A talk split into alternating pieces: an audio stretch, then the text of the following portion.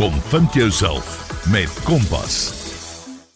Hoe weet jy jy is in 'n gesonde verhouding? Hoe hanteer jy konflik en watter rol speel mag in jou verhoudings?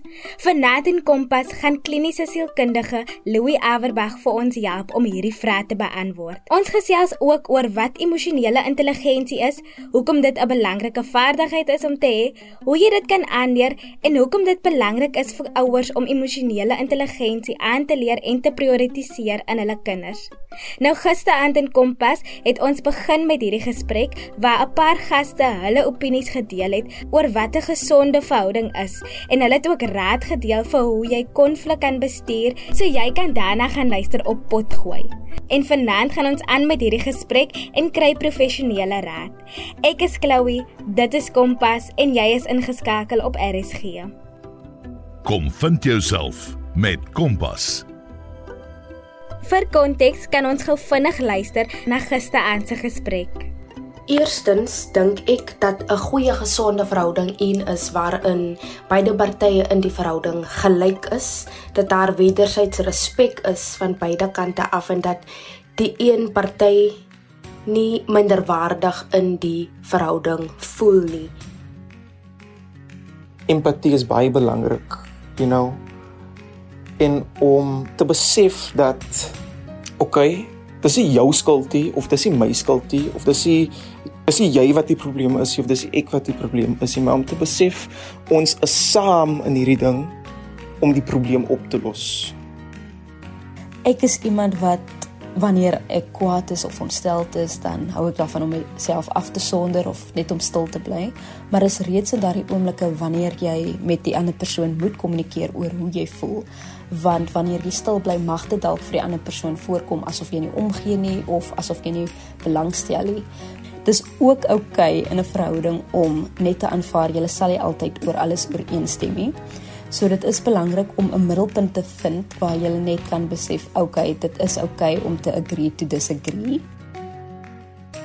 Toe ek 'n kind was en 'n tiener was, het ek partykeer frustreerd gevoel wanneer ek nie myself behoorlik kon uitdruk nie want ek was grootgemaak in daai frase wat sê 'n kind moet gesien word en nie gehoor word nie en die ouer is altyd reg.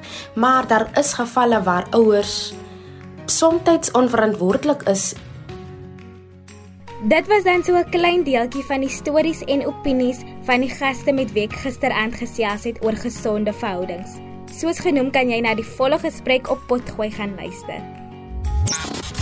Leef voluit en kleurryk met Kompas. Vanaand saam met my agter die kompas mikrofoon is kliniese sielkundige Louis Averbag en hy deel sy mening en wenke oor gesonde verhoudings. Baie welkom hier by Kompas. Louis, nou ek dink 'n belangrike plek om te begin is deur eers te vra wat is 'n gesonde verhouding? Het sy dit nou romanties of vriendskaplik of professioneel is? Ek dink 'n gesonde verhouding kan gedefinieer word in terme van mens se funksionering as dit met jou goed gaan in jou funksionering, dan is jou refleksie daarvan ook dat jy dan waarskynlik in 'n gesonde verhouding is. En wanneer gaan dit goed met mense funksionering? Dit gaan oor hoe jy dink, hoe jy voel en hoe jy optree. As jy daarom as mens gereeld helder dink en jou konsentrasie is nog goed en jy dink nie vreemde dinge nie. En jy voel ook goed en jou en jy's gelukkig en en gemotiveerd en jy gaan werk toe of jy gaan skool toe of jy gaan studeer. En dan sal mens kan sê maar hoorie maar dan is jy seker in 'n gesonde verhouding want kyk hoe goed gaan dit met jou. Maar as jy heeltyd ongelukkig is of jy dink vreemde dinge soos dat jy moet nou ophou skool toe gaan of jy moet ophou studeer want jy moet by die meisie wees of jy moet by die ou wees of jy kom nie meer jou vakke deur nie dan funksioneer jy mos nie goed nie en dan is dit moontlik dat jy ook nie 'n gesonde verhouding is nie. Jy weet maar mense het baie verskillende idees oor wat 'n gesonde verhouding is. Maar ek dink dit is baie moeilik om te sê as iemand goed funksioneer dat hulle in 'n ongesonde verhouding kan wees. Jy kan nie lekker gelukkig wees, helder dink en uh, gemotiveerd optree as jy in 'n konstante ongesonde verhouding is nie. Nou die afgelope tyd praat almal daarvan om boundaries te stel. Maar nie almal weet presies hoe om dit te doen nie. So wanneer jy grense in jou verhouding stel, hoe kan jy dit eerstens kommunikeer aan die ander persoon en dan seker maak dat julle albei daarbey hou en dit toepas? Ja, jy weet boundaries of grense is is nie so maklik om te stel nie. Ons almal doen dit, maar met sekere goed is dit vir ons baie moeilik. Jy weet, as iemand vir my sê luister, eet gou hierdie spinnekop, hierdie lewendige spinnekop, dan gaan ek baie vinnig grense stel en meeste mense gaan dit doen en gaan sê luister man, ek gaan dit nie doen nie. En almal sal dit op 'n verskillende manier doen, maar ek neem aan meeste mense sal daai grense stel sê nee, ek sal dit nie doen nie. Maar partymal is dit baie moeilik.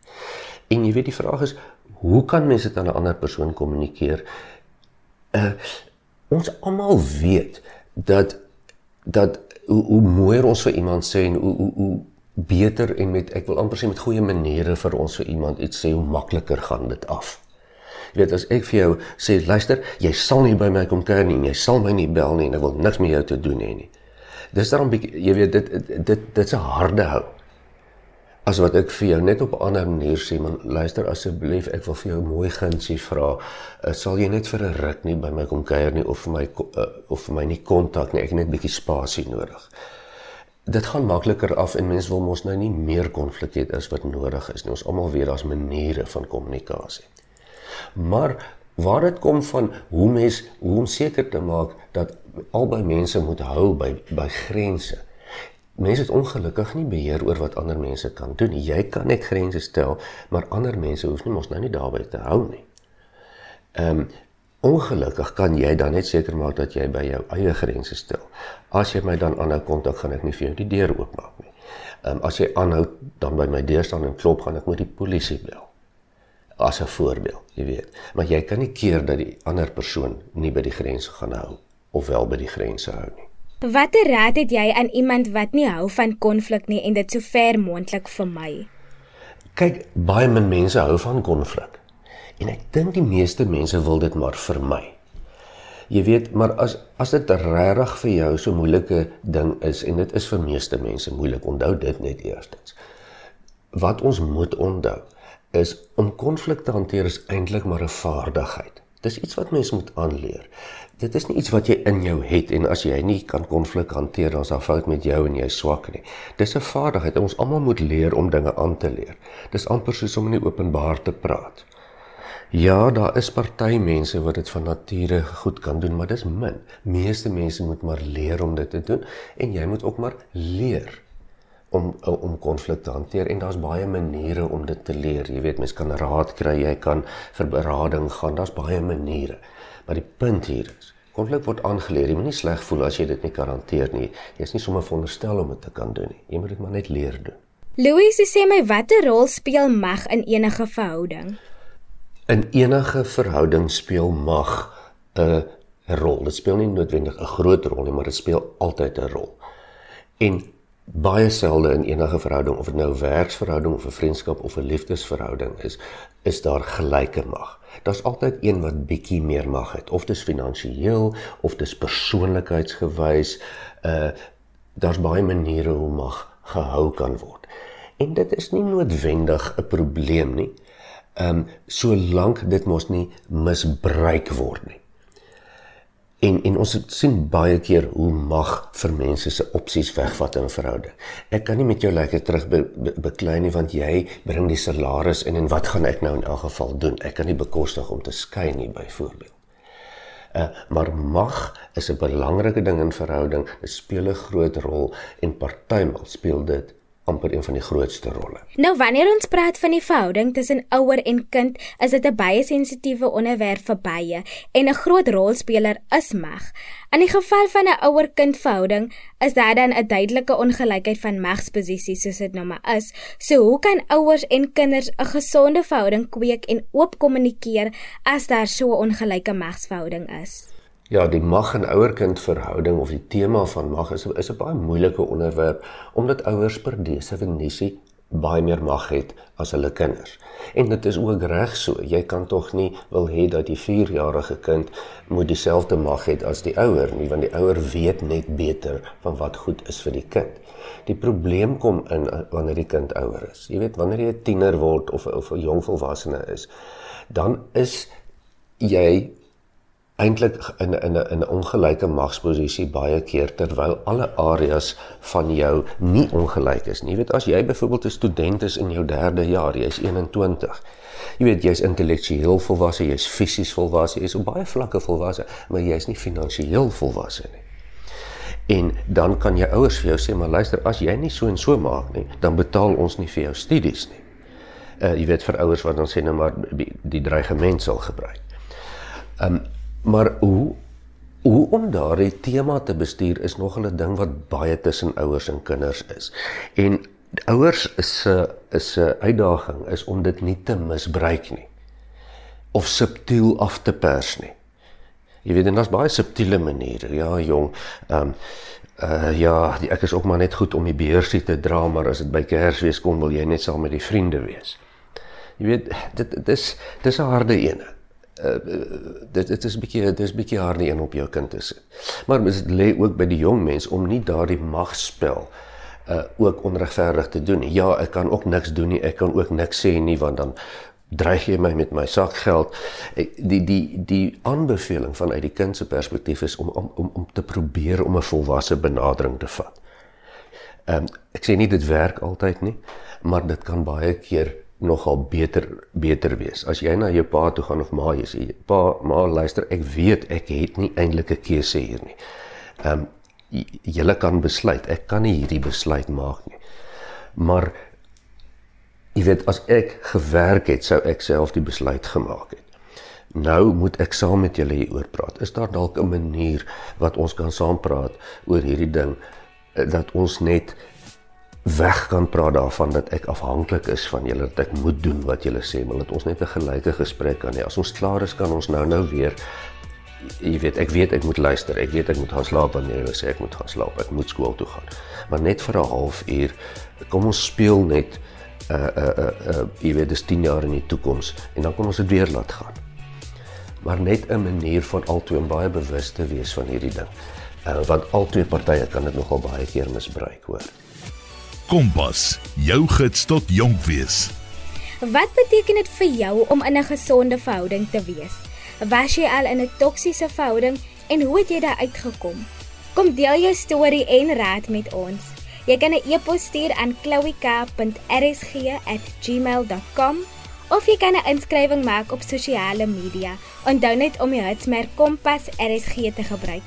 RSG is beskikbaar op die DStv audiokanaal 813 en die OpenView kanaal 615. Ek is Chloe, dit is Kompas en jy is ingeskakel op RSG. Kom vind jouself met Kompas. Vanaand in Kompas kom deel kliniese sielkundige Louis Aberbag sy mening en raad vir hoe om verhoudings suksesvol te bestuur. Ons gesels oor faktore wat 'n verhouding beïnvloed, soos magsposisies en emosionele intelligensie. En 'n bietjie later in die program hoor ons watter nuwe projekte die ATKV hierdie jaar aanbied. Ek is Chloe, dit is Kompas en jy is ingeskakel op RSG. Kompas kragvers en knetterend. So in die geval van 'n romantiese verhouding waar daar 'n verskil in magsposisies is, het dit nou finansiëel of ouderdom of onderrigsvlak is, hoe kan 'n paartjie daardie ongelykheid suksesvol bestuur? Kyk, ons gaan aanneem dat daar in elk geval ongelykheid van mag in 'n romantiese verhouding is soos wat daar in alle verhoudings is. En die vraag hoe die paartjie daardie ongelykheid suksesvol kan bestuur is amper dit dit is presies op dieselfde vlak as hoe gaan die paartjie suksesvol die uh tandepasta buisie wat op verskillende maniere gedruk word bestuur. Hoe gaan uh die familieverhoudinge bestuur word? Waar is ons kersfees by jou ma of by my ma of op ons eie? En as ons praat oor kinders. So die bestuur van die verskille of dit nou mag is of dit is dit ek dink ons moet Bloemfontein toe ry en jy dink ons moet Pretoria toe ry hang af van die vaardighede wat die wat die paartjie kan ontwikkel. En hier is verskriklik belangrik. Mense het nie van nature die vermoë om hierdie verskille noodwendig te kan oplos nie. En dit is hoekom alle verhoudings en huwelike 50% van die statistieke eindig ten minste 50% eindig eindig en en mense kry nie hulle ongelykhede bestuur nie grootste rede is ons het nie die vaardighede nie ons word nie gebore net omdat ons kan taal gebruik en klanke kan maak om verskille te kan oplos nie dis 'n vaardigheid wat mens moet aanleer en en en die kern hiervan is ons meeste mense kan dit nie van nature doen En daar's geen skande daarin nie want ons is nie eintlik gebou om dit te kan regkry nie. Ons moet dit aanleer en met moeite regkry.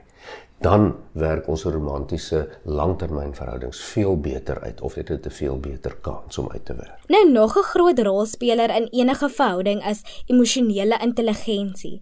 Kan jy vir ons verduidelik wat emosionele intelligensie is en hoekom dit belangrik is? Emosionele intelligensie word gesien as min of meer die vermoë om om jou eie emosies te kan bestuur en ook die emosies van mense rondom jou te kan verstaan. Onthou mense bestaan basies uit 3 dele uit: denke, emosies en gedrag.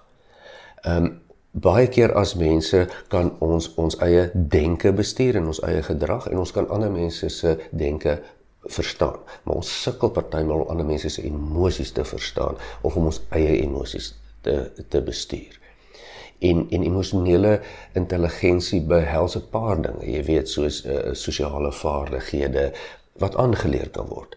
Uh empatie, selfregulering ensovoorts, maar grootliks het dit te doen met hoe skerp is jy om nie jou denke nie, jou nie jou gedrag nie, maar jou emosionele lewe, die ander drie been, die derde been van jou drie been pot om dit te verstaan en ander mense se te verstaan en te kan bestuur. Soos ons weet het party mense 'n hoë vlak van emosionele intelligensie en ander mense 'n laer vlak. Is dit iets waaraan jy kan werk en verbeter?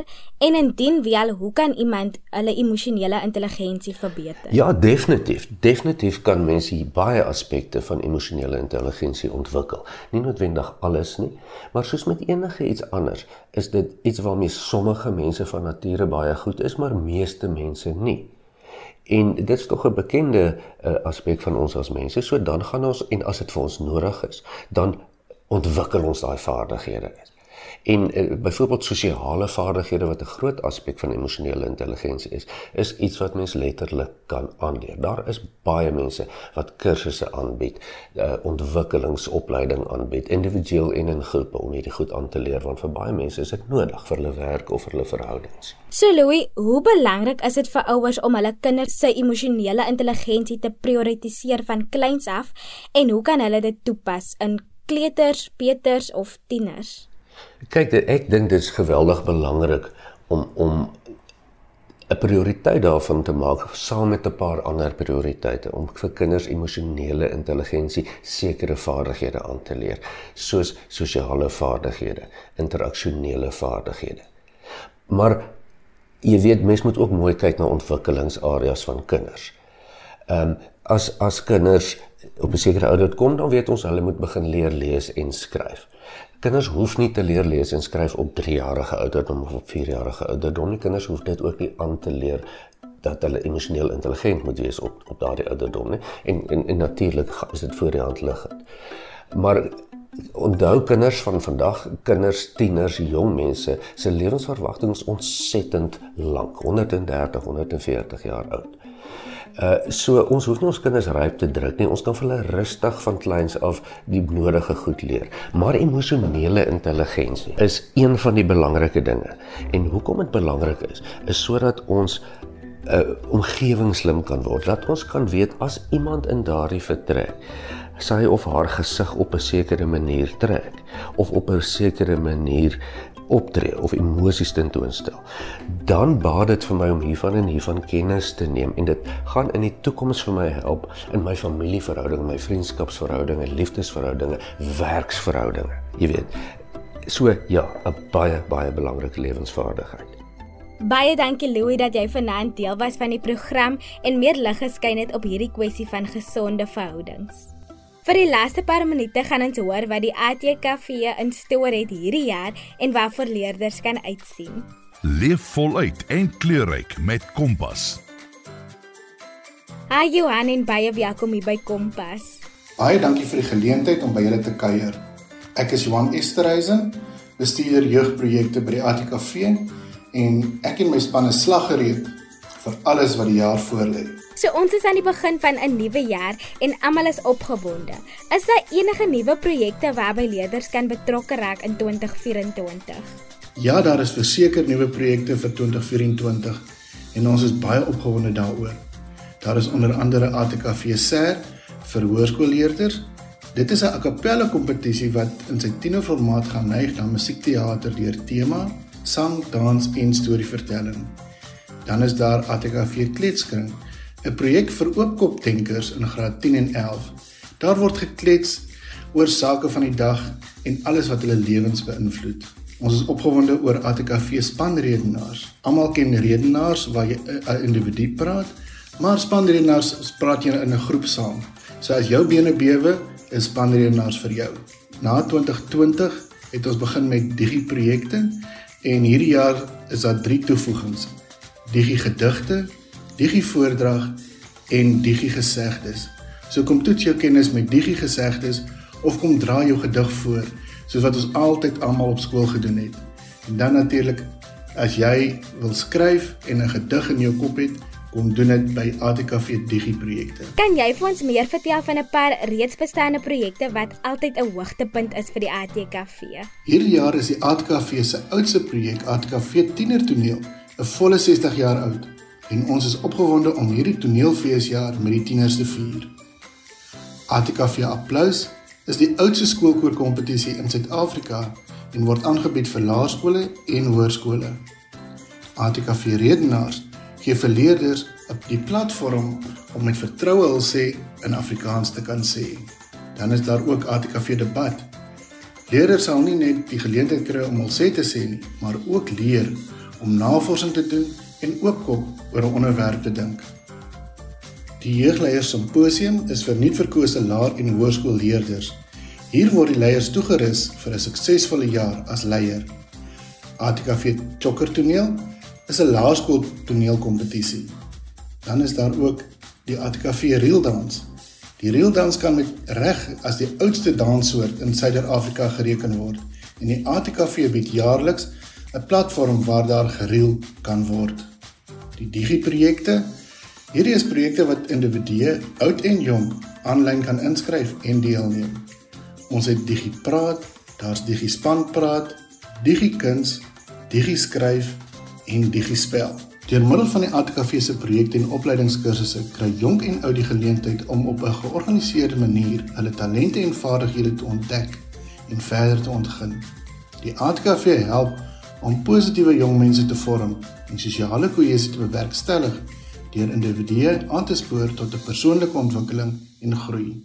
Soos ons by die ATKV sê, belê in jouself, belê in die toekoms, wees die verskil. As luisteraars dalk nog inligting soek, waar sal hulle dit kan vind? Besoek gerus die ATKV se webblad www.atkv.org.za en kies die opsie Neem deel. Al die projekte se brochures is daar, asook die kontakpersone vir elke projek.